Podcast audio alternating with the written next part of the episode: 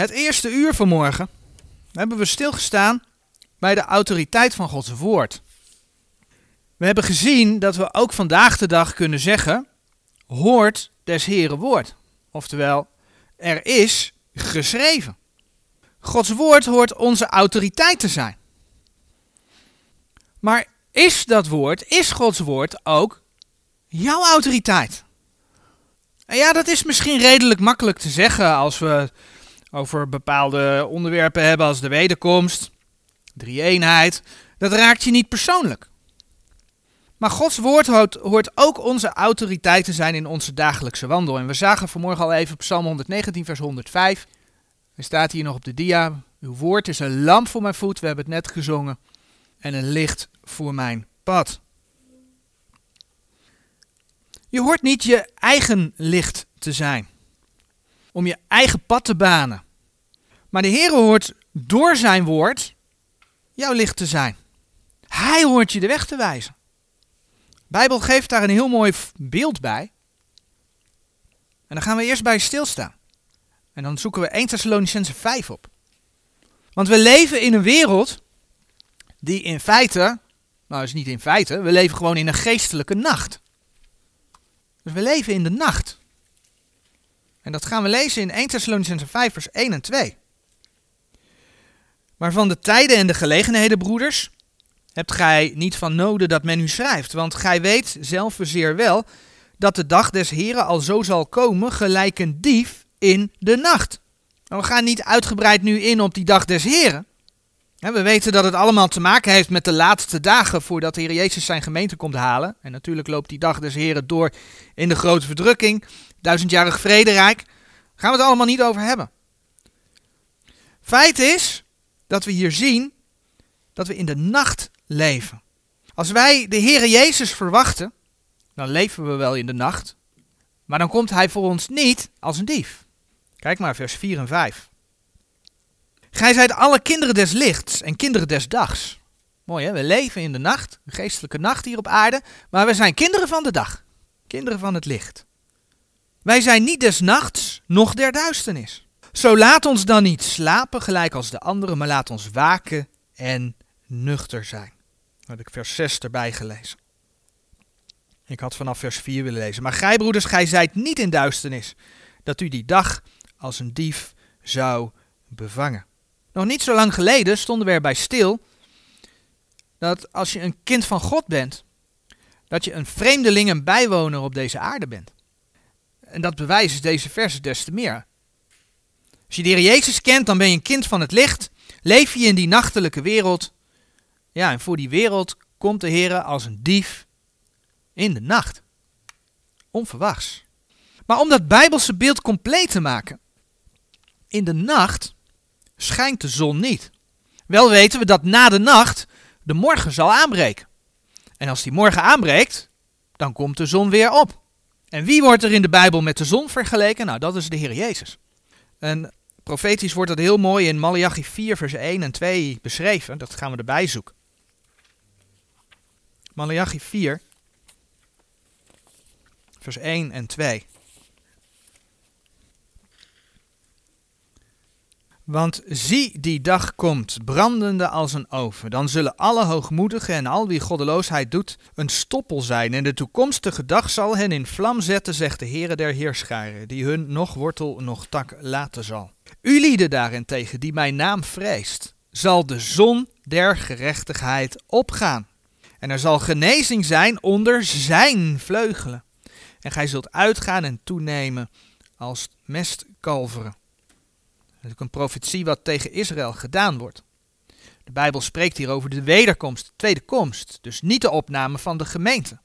Maar we lezen hier wel, als het om die tweede komst gaat, dat het gaat om het opgaan van de zon der gerechtigheid. Als je in openbaring 1 gaat kijken, dan wordt de Heer Jezus beschreven. En als je dan in vers 16 kijkt, dan ziet zijn aangezicht eruit als de zon die schijnt in haar kracht. Openbaring 1 vers 16. En dan bladeren we naar Hooglied. De Heer Jezus is dus de zon. En dan bladeren we naar Hooglied. Hooglied, een, een, een, lied over bruidegom en bruid. En profetisch, een lied over de liefde tussen bruidegom en bruid, maar profetisch tussen de Heer Jezus en de gemeente. En het mooie is dat we dan in uh, Hooglied 6, vers 10 lezen dat de gemeente vergeleken wordt met de maan. Wie is zij die eruit ziet als de dageraad, schoon gelijk de maan, zuiver als de zon, schrikkelijk als slagorde met banieren? Ja, de bruid wordt vergeleken met de zon. Maar ja, Filippenzen 3, vers 21, de gemeente zal, de Heer Jezus, gelijkvormig worden. Maar het mooie is dat de bruid ook vergeleken wordt met de maan. De tekst verschijnt overigens hier ook even op de dia. De maan mag licht geven in de nacht. Dat is wat de maan doet. Maar die maan geeft van zichzelf geen licht. Die maan mag het licht van de zon weer kaatsen op de aarde. In de nacht. Zo is het ook met de gemeente. Wij mogen in de nacht, de geestelijke nacht hier op aarde, mogen we het licht van de Heer Jezus in, weer kaatsen. Maar we moeten wel lopen in die nacht. Dus omdat wij zelf geen licht zijn, hebben wij een gids nodig. Hebben wij een gids in die nacht nodig. Een gids die onfeilbaar is. Want ja, als die gids feilbaar is en je gaat recht, eh, je, nee, we gaan rechtdoor hè. En je gaat recht, je struikelt alsnog. We hebben een onfeilbare gids nodig. We hebben een gids nodig die autoriteit heeft. Want ja, anders moet je uit nog honderd gidsen kiezen. En die gids, hebben we vanmorgen bij stilgestaan, heeft de Heer gegeven. Dat is zijn woord. Onfeilbaar, hoort onze autoriteit te zijn. En daarom hebben wij dat woord gekregen.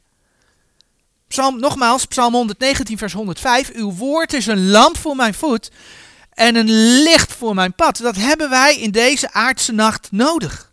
Maar, dan moeten we ons wel door die gids, door dat woord van God, willen laten leiden. Vaak zijn er zoveel dingen die ons van Gods woord afhouden. En de Heere waarschuwt ons daartegen in zijn woord. We bladeren vast naar 2 Korinthe 5 vers 7. Op verschillende plaatsen roept de Heer ons in zijn woord op om te wandelen naar zijn woord, om te wandelen door geloof. Nou, in 2 Korinthe 5 vers 7, daar staat bijvoorbeeld geschreven. Want wij wandelen door geloof en niet door aanschouwen. Want wij wandelen door geloof en niet door aanschouwen. De Heer Jezus heeft ons nog niet opgehaald. We zijn nog hier op aarde. Dus wij kunnen Hem ook nog niet zien. En dat maakt dat we door geloof leven. De Heer Jezus eh, zei onder andere na zijn opstanding eh, in Johannes 20, vers 29 tegen Thomas. Thomas wilde eerst zien, hè? Nou, Thomas kon dat toen, die kon toen zien, want de Heer Jezus was nog op aarde. Wij kunnen niet zien. Maar kijk wat de Heer Jezus tegen Thomas zei. Johannes 20, vers 29.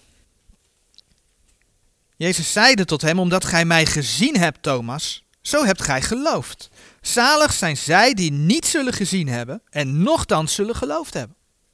Nou, dat geldt echt voor ons. Want wij wandelen door geloven en niet door aanschouwen. Dat klopt, want de Heer Jezus is er nog niet, maar Wandelen wij ook altijd werkelijk door geloof? Dat is de vraag. En daar willen we ook vanmorgen bij stilstaan. Waardoor is dat geloof ontstaan? In Romeinen 10, vers 17. Romeinen 10, vers 17. Zo is dan het geloof uit het gehoor en het gehoor door het woord Gods. Als het geloof uit het gehoor is, en het gehoor door het woord Gods, betekent dus dat het woord verkondigd moet worden. Dat het woord gepredikt moet worden. En daardoor komt er dan geloof. Eigenlijk zoals Efeze 1 vers 13 en 14 het beschrijven. En de tekst die komt op de dia. Tekst waar we wel vaker bij stil hebben gestaan. Maar als je dus over de basis van het geloof hebt.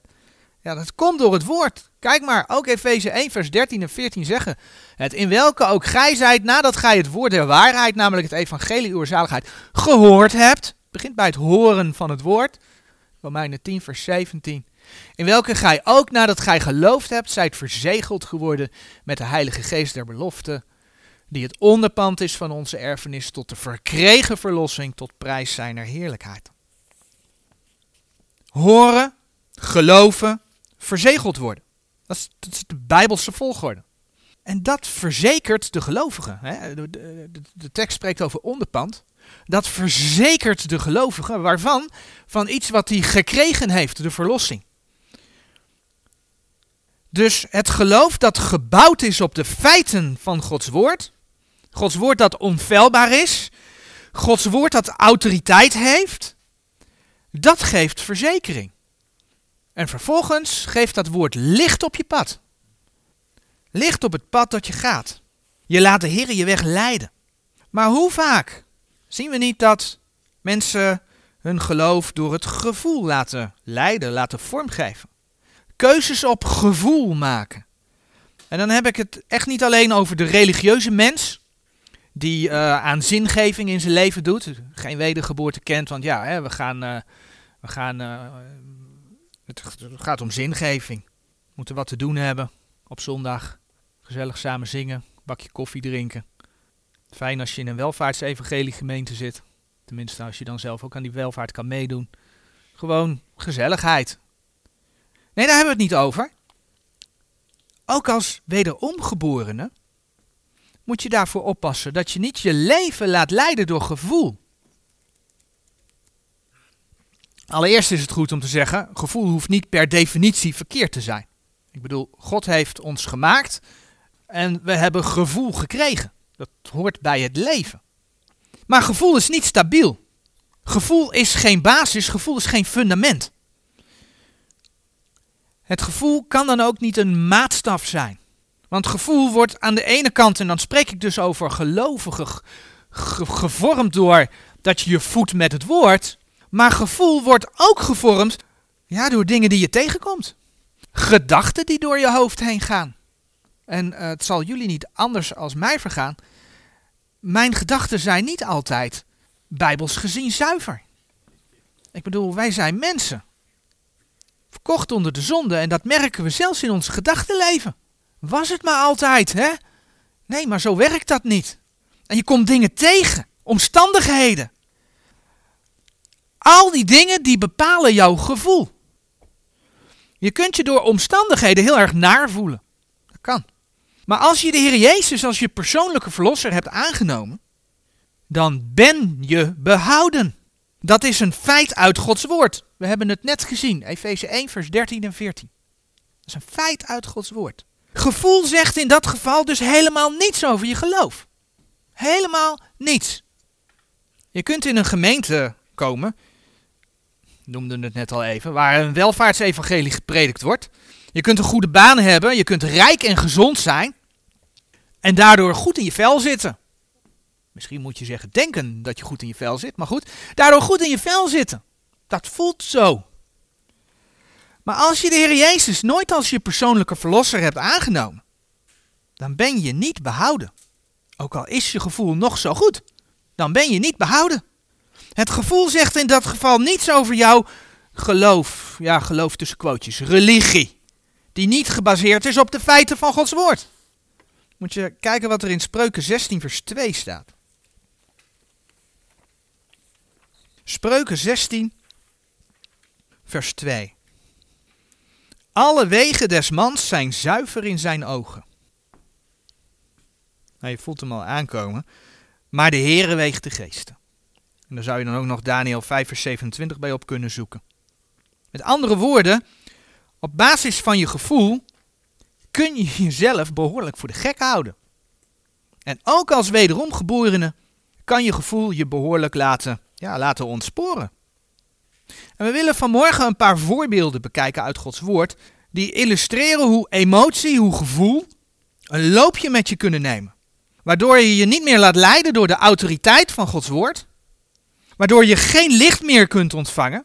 Maar als je het niet meer kunt ontvangen, kun je het ook niet doorgeven. En als je er niet mee kunt vullen, als je dat woord niet gehoorzaamt, dan gaat dat licht op je pad ook niet werken. Dan ga je struikelen, dan ga je vallen. Het zijn voorbeelden uit Gods woord waar wij van kunnen leren. En dan bladeren we als eerste naar 1 Koningen. 1 Koningen 17. We gaan naar een van de grote profeten kijken. Eigenlijk twee, straks nog eentje. En de eerste is dan Elia. 1 Koningen 17. Van Elia lezen we in 1 Koningen 17 vers 1. En Elia de Tisbiet van de inwoners van Gilead zeide tot Agab, Agab was de koning, zo waarachtig als de Heere de God Israëls leeft, voor wiens aangezicht ik sta, indien deze jaren dauw of regen zijn zal, tenzij dan naar mijn woord. Ik zou zeggen, hou de hand bij, uh, bij 1 Koningen 17 en pak even Jacobus 5 vers 17 erbij. Jacobus 5 vers 17. Dan lezen we over deze situatie. En dan lezen we uh, in Jacobus 5 vers 17. En hij bad wederom en de hemel gaf, uh, sorry, dat is 18, vers 17. Elia was een mens van gelijke beweging als wij. En hij bad een gebed dat het niet zou regenen. En het regende niet op de aarde in drie jaren en zes maanden. Drie jaren en zes maanden. Daar zit een mooie vergelijking in. Naar de grote verdrukking gaan we het vanmorgen niet over hebben. Maar Elia heeft tot God gebeden in 1 Koningen lezen we dat hij naar Agab gaat en hij vertelt het Agab. Maar Elia heeft tot God gebeden en het zou 3,5 jaar niet regenen. Maar zagen we in dat vers ook staan, Jacobus 5 vers 17, dat hij een mens van gelijke bewegingen als wij was? Want wij zien Elia natuurlijk door Gods woord als een van de grote profeten. Wauw, hebben we ontzag voor. Maar Elia was een man, een mens van gelijke bewegingen als wij hij mocht dan wel gewoon profeet, hij mocht dan wel Gods profeet zijn, maar hij was gewoon mens. Zoals wij. Maar als gewoon mens ging hij naar de koning, ja, om te vertellen dat het drieënhalf jaar niet zou regenen. Ja, koning, daar heb ik voor gebeden. Is een van ons al bij de koning geweest? Nee, niet koning Agab, koning Willem-Alexander. Om hem te vertellen dat als hij Jezus Christus niet als persoonlijke verlosser aanneemt, dat hij in elk geval de grote verdrukking door moet. En daar zal sterven in zijn zonde, omdat dan de antichrist de macht zal opeisen. By the way, als u vanavond een hartaanval krijgt, dan sterft u ook in uw zonde en dan bent u in de hel. Nou, eerlijk is eerlijk, ik heb het ook niet gedaan. Maar zie je wat Elia doet? Hij gaat naar de koning. En hij vertelt dat hij de koning gebeden heeft. Zo waarachtig als de Heere, de God Israëls leeft, het gaat drieënhalf jaar niet regenen. Dat vertelt hij de koning. Elia vertrouwde op God en hij wandelde daarin. Met God. En God openbaarde hem zijn woord. Kijk maar in vers 2. Daarna geschiedde het woord des Heren tot hem, zeggende. Vers 2 van 1 Koningen 17. En dan zie je dat God voor Elia zorgde tijdens de droogte. Dat lees je in de versen van 1 Koningen 17. En op een gegeven moment is het water in de beek, eh, beek opgedroogd en dan brengt God hem bij de weduwe van Zarfat. 1 Koningen 17, vers 9. En daar mocht hij een instrument zijn om hemzelf, om de weduwe en om haar zoontje eten te geven. Maar ook weer door wat de Heere zei. 1 Koningen 17, vers 14. Want zo zegt de Heere, de God Israëls. Het meel van de kruik zal niet verteerd worden en de olie der fles zal niet ontbreken, tot op de dag dat de Heere regen op de aardbodem geven zal. Want zo zegt de Heere, de God Israëls. En zo gebeurde het. Ja, en dan gebeurt het in vers 17 dat het kind sterft. En Elia bidt dan. En het kind komt weer tot leven. Kijk maar in vers 22. En dan lezen we dat de weduwe tegen Elia zegt in vers 24. Toen zeide die vrouw tot Elia, nu weet ik dit, dat gij een man God zijt en dat het woord des Heren in uw mond waarheid is. Maar wat een leven, hè? De, de ene zegen naar de andere zegen. En God zorgt voor hem. Dat is mooi, dat je dat zo mag ervaren. En toch was Elia een man van gelijke bewegingen als wij. In 1 Koningen 18 lees je dan hoe Elia de profeten van Baal uitdaagde. Om te laten zien dat er maar één God is. Eén God die leeft. En dan lezen we in, in 1 Koningen 18, vers 36. Het geschiedde nu als men het spijsoffer offerde dat de profeet Elia naderde en zei: De Heere, God Abrahams, Isaaks en Israëls, dat het heden bekend worden dat gij God in Israël zijt en ik uw knecht. En dat ik al deze dingen naar uw woord, naar uw woord gedaan heb. En dan komt er vuur van de hemel. De profeten van Baal hebben geofferd, kregen geen vuur van de hemel. Elia zorgt dat het offer allemaal nat is. En hij roept vuur van de hemel. Vuur van de hemel komt. 1 Koningen 18 vers 38. En het volk zag, vers 39, dat de Heere God is. En dan komt het zover dat Elia de profeten van Baal doodt in 1 Koningen 18 vers 40. En dan lees je in de volgende verse dat Elia bad, als je ook Jacobus 5 vers 18 erbij betrekt, bad en het ging weer regenen. Er kwam dus een einde aan de droogte. Maar dat is een compleet verhaal van, van zegeningen. Deze man wandelde door het woord des Heren, in het geloof. Maar dan moet je kijken wat er staat in 1 Koningen 19, vers 2 en 3. En dat speelt dan nadat Izebel van Agab gehoord heeft wat er gebeurd is. Izebel wordt boos. Vers 2. Toen zond Izebel een bode tot Elia om te zeggen, zo doen mij de goden en doen zo daartoe, voorzeker. Ik zal morgen omtrent deze tijd uw ziel stellen als de ziel van hun lieder één. Toen hij dat zag, maakte hij zich op en ging heen om zijn levenswil en kwam te Berseba, dat in Juda is, en liet zijn jongen al daar. Elia die dat allemaal heeft meegemaakt, die werd bang.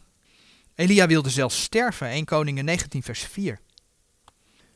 Een moment van zwakte, waardoor hij zich laat leiden door angst. En hij vlucht. En dat terwijl God hem al die tijd beschermd heeft. Terwijl God hem al die tijd geholpen had. Angst is een slechte raadgever. Het haalt je vertrouwen op de Heere God en zijn woord weg. En zoals bij Elia, dat kan van het ene op het andere moment zijn. En dan kom ik toch nog weer even op de actualiteit terug. Er is angst voor gevaar. Denk aan vandaag de dag, angst voor corona. Heel veel mensen zijn bang voor corona. Maar de andere partij is ook bang. Want die is bang voor mondkapjes en inentingen. Voor de overheid. Het neemt je in beslag en laat je niet meer gericht zijn op de Heer en zijn woord. Hij die bemachten is om jou te midden van dat alles te beschermen. Want dat is God. Hij is bij machten om te beschermen. Hij die bij machten is om jou te midden van het alles te beschermen, ook als je iets moet doen, omdat de overheid het je voorschrijft, wat je normaal gesproken liever niet zou doen. Maar er zijn ook andere angsten. De angst om afgewezen te worden. De angst om belachelijk gemaakt te worden. De Heer die wil graag dat we andere mensen ook vertellen over Hem. Het evangelie benaderen. Maar we weten ook dat de Bijbel zegt dat de wereld het evangelie en degene die van de Heer zijn haten. Dat merk je ook uh, aan reacties van mensen. Dus als het dan om vrienden en familie gaat, praten we dan maar niet over de Heer Jezus? Om de zogenaamde lieve vrede wil? Dat is ook een vorm van angst. Een ander voorbeeld. Uit eigen ervaring over het straatpreken. Ik zag op een gegeven moment dat we de boodschap niet alleen maar hier in deze ruimte moeten brengen, omdat de Heer zegt dat we erop uit moeten gaan. Het is niet alleen voor de gelovigen, het is juist voor de wereld. Dat laat Gods woord zien. Dus, ben gaan nadenken over straatpreken. Ga eerst eens een paar keer mee, om te kijken hoe dat gaat. En dan neem je jezelf voor, nou weet je, ik ga ook preken. Voorbereiding in de tas. Denk je dat de eerste keren de voorbereiding uit de tas kwam? Nee, net of er iets je tegenhoudt. Zo voelt dat op dat moment ook. Dan durf je de stap niet te nemen. Totdat ik op een gegeven moment dacht, ik neem de voorbereiding in de aanslag. Dat is wat minder, minder makkelijk terugkrabbelen. Stond ik daar met de blaadjes in mijn handen. Maar die drempel was heel hoog. Dus ik ging niet uit mezelf naar voren. Kwam er een broeder naar me toe. En die zegt, de eerste stap, die is heel moeilijk. Gewoon doen. De rest gaat vanzelf. En dat gaat vanzelf, is natuurlijk niet vanzelf. De Heer helpt je. Maar ik heb het mogen ervaren. De eerste stap is moeilijk. Maar de Heer helpt je. De Heer heeft geholpen. Dus laat angst, want ja, dat je niet durft, dat je niet over die drempel heen gaat, dat is ook een vorm van angst. Niet durven. Ik bedoel, waarom mag die clown op de hoofdstraat wel zijn act doen en mensen zijn grappen vertellen? In de ogen van de wereld, ja, logisch natuurlijk. Die clown heeft geen confronterende boodschap. Maar waarom, waarom, waarom De Heer vraagt het toch eigenlijk? Dus het is een vorm van angst. Het is maar een voorbeeld. Maar dat geldt ook in andere situaties. Zet de eerste stap in gehoorzaamheid aan Gods woord. En de Heere helpt je. Laat angst je niet verhinderen om te wandelen door geloof. Een ander voorbeeld vinden we in een andere grote profeet. En dat is Mozes. Dan bladeren we naar nummer 20. Onlangs hebben we de geschiedenis aangehaald dat Mozes de rot sloeg in plaats dat hij tegen die rot sprak. En naar die geschiedenis willen we opnieuw kijken. En Mozes was door de Heer de aangewezen leider om het volk Israël uit Egypte te leiden. Mozes had de Heer ontmoet bij het brandende braambos. Mozes mocht de tekenen voor Farao en de Egyptenaren doen. Mozes mocht het volk door de Schelfzee leiden. Die wateren die allemaal aan de kant gingen. Het volk door, de Egyptenaren erin en het water keerde terug. Wat een ja, ervaring is dat geweest. Mozes die van God de wet ontving, die notabene door God zelf geschreven was. En wat lezen we heel veel van Mozes, en we gaan die teksten allemaal niet opzoeken, maar je kunt ze voorbeelden van vinden in Exodus 7, vers 6, vers 10, vers 20, Exodus 34, vers 4, Exodus 39, vers 29. En ik geloof dat 40, ja, hoort er ook allemaal bij. Exodus 40, vers 16 en 19. Leviticus 8, vers 4. Nummer 1, vers 19. Allemaal teksten waar staat dat Mozes de dingen deed gelijk als hem de Heere geboden had. Lees je iedere keer weer. Mozes deed het gelijk de Heere hem geboden had. Mozes leefde in geloof, Mozes leefde in gehoorzaamheid aan de woorden van de Heere God. Maar dan komt het moment dat het volk voor de zoveelste keer ja, in, in opstand, in oproer is. En Mozes moet van de Heere tot de rot spreken, dat heeft de Heere gezegd, dat lezen we in nummer 20. En dan zal de Heere voor water zorgen, dat is vers 8. Maar wat gebeurt er? Mozes spreekt niet tot de rots, maar hij slaat de rots. Vers 10 en 11, laten we die lezen. En Mozes en Aaron vergaderden de gemeente voor de steenrots. En hij zeide tot hen, hoort toch gij wederspannigen. He, gij ongehoorzamen. Zullen wij water voor uw lieden uit deze steenrots hervoorbrengen? Toen hief Mozes zijn hand op en hij sloeg de steenrots tweemaal met zijn staf. En er kwam veel water uit, zodat de vergadering dronk en hun beesten. Menselijkerwijs, en dan uh, houden we de hand bij nummer 20, maar bladeren we even naar Psalm 106. Menselijkerwijs kunnen we ons misschien best wel voorstellen dat Mozes een beetje boos werd. Een beetje. Het is iedere keer hetzelfde liedje.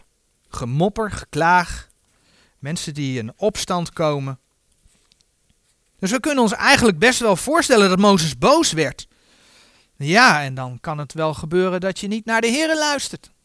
Nou, zo is het wel gegaan. In Psalm 106, vers 32 en 33, daar lees je. Zij maakten hem ook zeer toornig aan het twistwater en het ging Mozes kwalijk om hunnentwil. Want zij verbitterden zijn geest, zodat hij wat onbedachtelijk voortbracht met zijn lippen. Ik heb al eerder gezegd, het gaat om de tekst van de Statenbijbel, niet om de plaatsing van de hoofdletters door het GBS. Uh, aangezien er in het tweede deel van de vers staat, zodat hij wat onbedachtelijks voortbracht met zijn lippen, gaat over Mozes. Dus zijn geest gaat ook over Mozes. Mozes werd verbitterd. Mozes werd boos, Mozes werd verbitterd. Verbitterd omdat het volk voor de zoveelste keer ja, in opstand kwam. Het gevolg is dat hij wat doet wat de Heere niet wilde. De Heere had hem een andere opdracht gegeven. En het gevolg daarvan is dat Mozes, nummer 20 vers 12, het beloofde land niet in mag. Dus Mozes die zo met de Heere wandelde en zijn wil deed, ging verkeerd door een moment van boosheid. we lazen het net in vers 10, dat hij het volk zei, gij wederspannige. Maar het, de wederspannigheid van het volk werd dus eigenlijk ook zijn wederspannigheid tegen God. Boosheid is een verkeerde raadgever. En er zijn situaties dat wij ook boosheid kennen. En ik denk dat een ieder die wel eens boos is, weet dat je dan dingen kunt zeggen waarvan je later denkt, dat had ik niet moeten zeggen. Blijf je ook in je boosheid? Of maak je het goed? Ben je wel eens boos op de Heer? Ben je wel eens boos op broeders of zusters? Boosheid is niet goed. Boosheid gaat je, en je ziet het in het voorbeeld van Mozes, haalt je eigenlijk weg bij Gods woord en laat je ook dingen doen die de Heer niet wil. Merk je dat je boos bent? Ga in gesprek. Maak het goed. Ben je wel eens boos op de overheid? Omdat ze dingen van jou en je kinderen vragen die ongezond zijn. Boosheid zorgt ervoor dat je opstandig wordt. Niet meer wil luisteren naar Gods woord. En dan toch maar weer heel actueel. Een mondkapje eh, draag je niet, want dat is ongezond. Maar je gaat eraan voorbij dat God zegt dat we de regels van onze overheid moeten gehoorzamen. Dat we geen aanstoot moeten geven. En dat terwijl je de Heer mag bidden om bescherming. De Heer weet dat deze situatie er is. Heer, wilt u ons beschermen tegen de gevaren? Want ja, wij vertrouwen het allemaal niet zo. Wilt u ons beschermen, Heer? Laat boosheid je niet verhinderen om te wandelen door geloof. Een laatste voorbeeld. En dan bladeren we naar 2 Samuel 13. 2 Samuel 13. Een laatste voorbeeld dat gaat over Amnon, een zoon van koning David. En Amnon die was verliefd op zijn zus.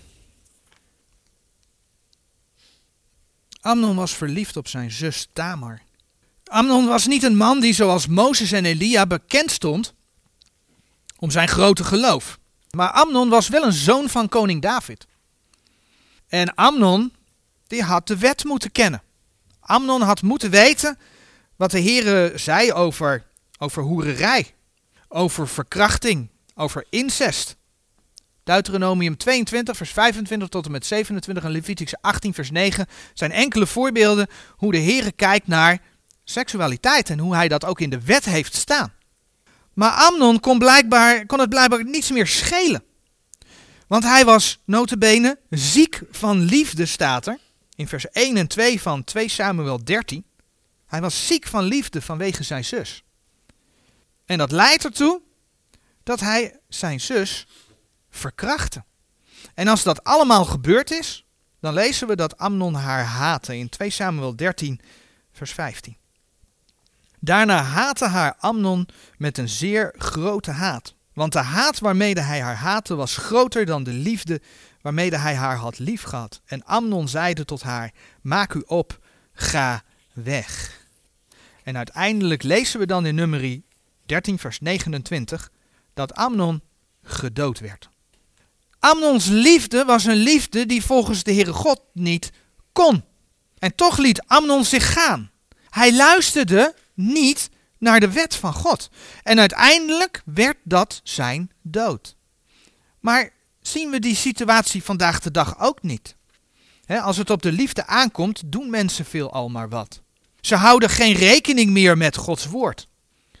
We hebben er natuurlijk uitgebreid bij stilgestaan onder het thema de bruidegom en de bruid. We hebben het gehad over hoererij, over overspel en nou, noem het maar op. Maar mensen houden geen rekening meer met Gods woord. Op de basisschool leren de kinderen al hoe je seks moet hebben.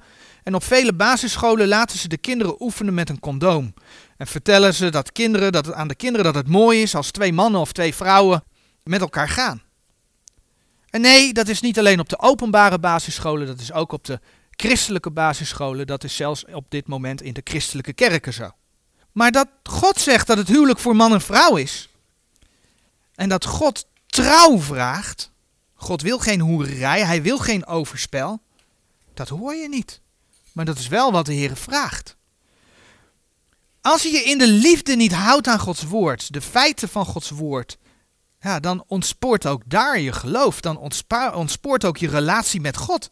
En in de maatschappij zien we de effecten. Hè? Bij Amnon, daar lees je direct, Amnon haatte, haatte zijn zus met een grotere haat dan dat ze liefde geweest was. Soms duurt dat langer. Maar kijk om je heen in de maatschappij en dan zie je waar alle losse relaties toe leiden. Het percentage echtscheidingen is nog nooit zo hoog geweest. Dus daarom een oproep aan de jeugd. Laat je niet gek maken door alles wat je hoort op school. Laat je niet verleiden door iemand die je op een gegeven moment leuk vindt.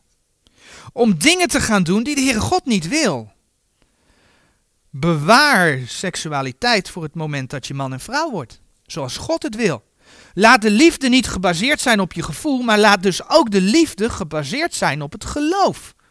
Op wat je weet, wat God aan feiten in zijn woord gegeven heeft. En dan kan het iets heel moois zijn. Met andere woorden, laat de liefde je niet verhinderen om te wandelen in geloof. Ja, en zo kun je veel meer voorbeelden bedenken, in de schrift zoeken. Dingen waar onze gevoelens ertoe leiden dat wij ja, eigenlijk niet meer Gods woord volgen. Dat Gods woord niet meer de autoriteit is, omdat we gewoon ons eigen ding gaan doen. We hebben de voorbeelden van angst, boosheid en liefde gezien. Ze kunnen dus ja, je wandel in geloof ondermijnen. Laat dat niet gebeuren. Nogmaals, gevoel is niet per definitie verkeerd. Maar gevoel moet wel op de juiste plaats staan. Nou, hoe kun je voorkomen dat je gevoelens en situaties je verhinderen om te wandelen in geloof? Leer te vertrouwen op God. Nou ja, dat is, dat, dat, het is niet iets wat altijd vanzelf gaat, maar je kunt er wel bewust van zijn. Leer te vertrouwen op God. Zet je geloof op zijn bewaarde woorden. En als je dat op de eerste plaats zet, het vallen en opstaan, ja, wij maken fouten als mensen en we weten dat we dat mogen beleiden als we fouten maken. Dat de Heer dan alle ongerechtigheden wegdoet. Maar leer te vertrouwen op God en op zijn bewaarde woorden. Als je dat op de eerste plaats zet, dan komt het ook met je gevoelens goed. Nee, niet dat het altijd makkelijk is, maar je moet je gevoelens de baas zijn aan de hand van het woord van God. Dan blijf je namelijk licht houden op je pad. Dan mag je daardoor staande blijven. En kan je daardoor ook zijn licht doorgeven. In deze nachtelijke, duistere wereld. Tot zover. Amen.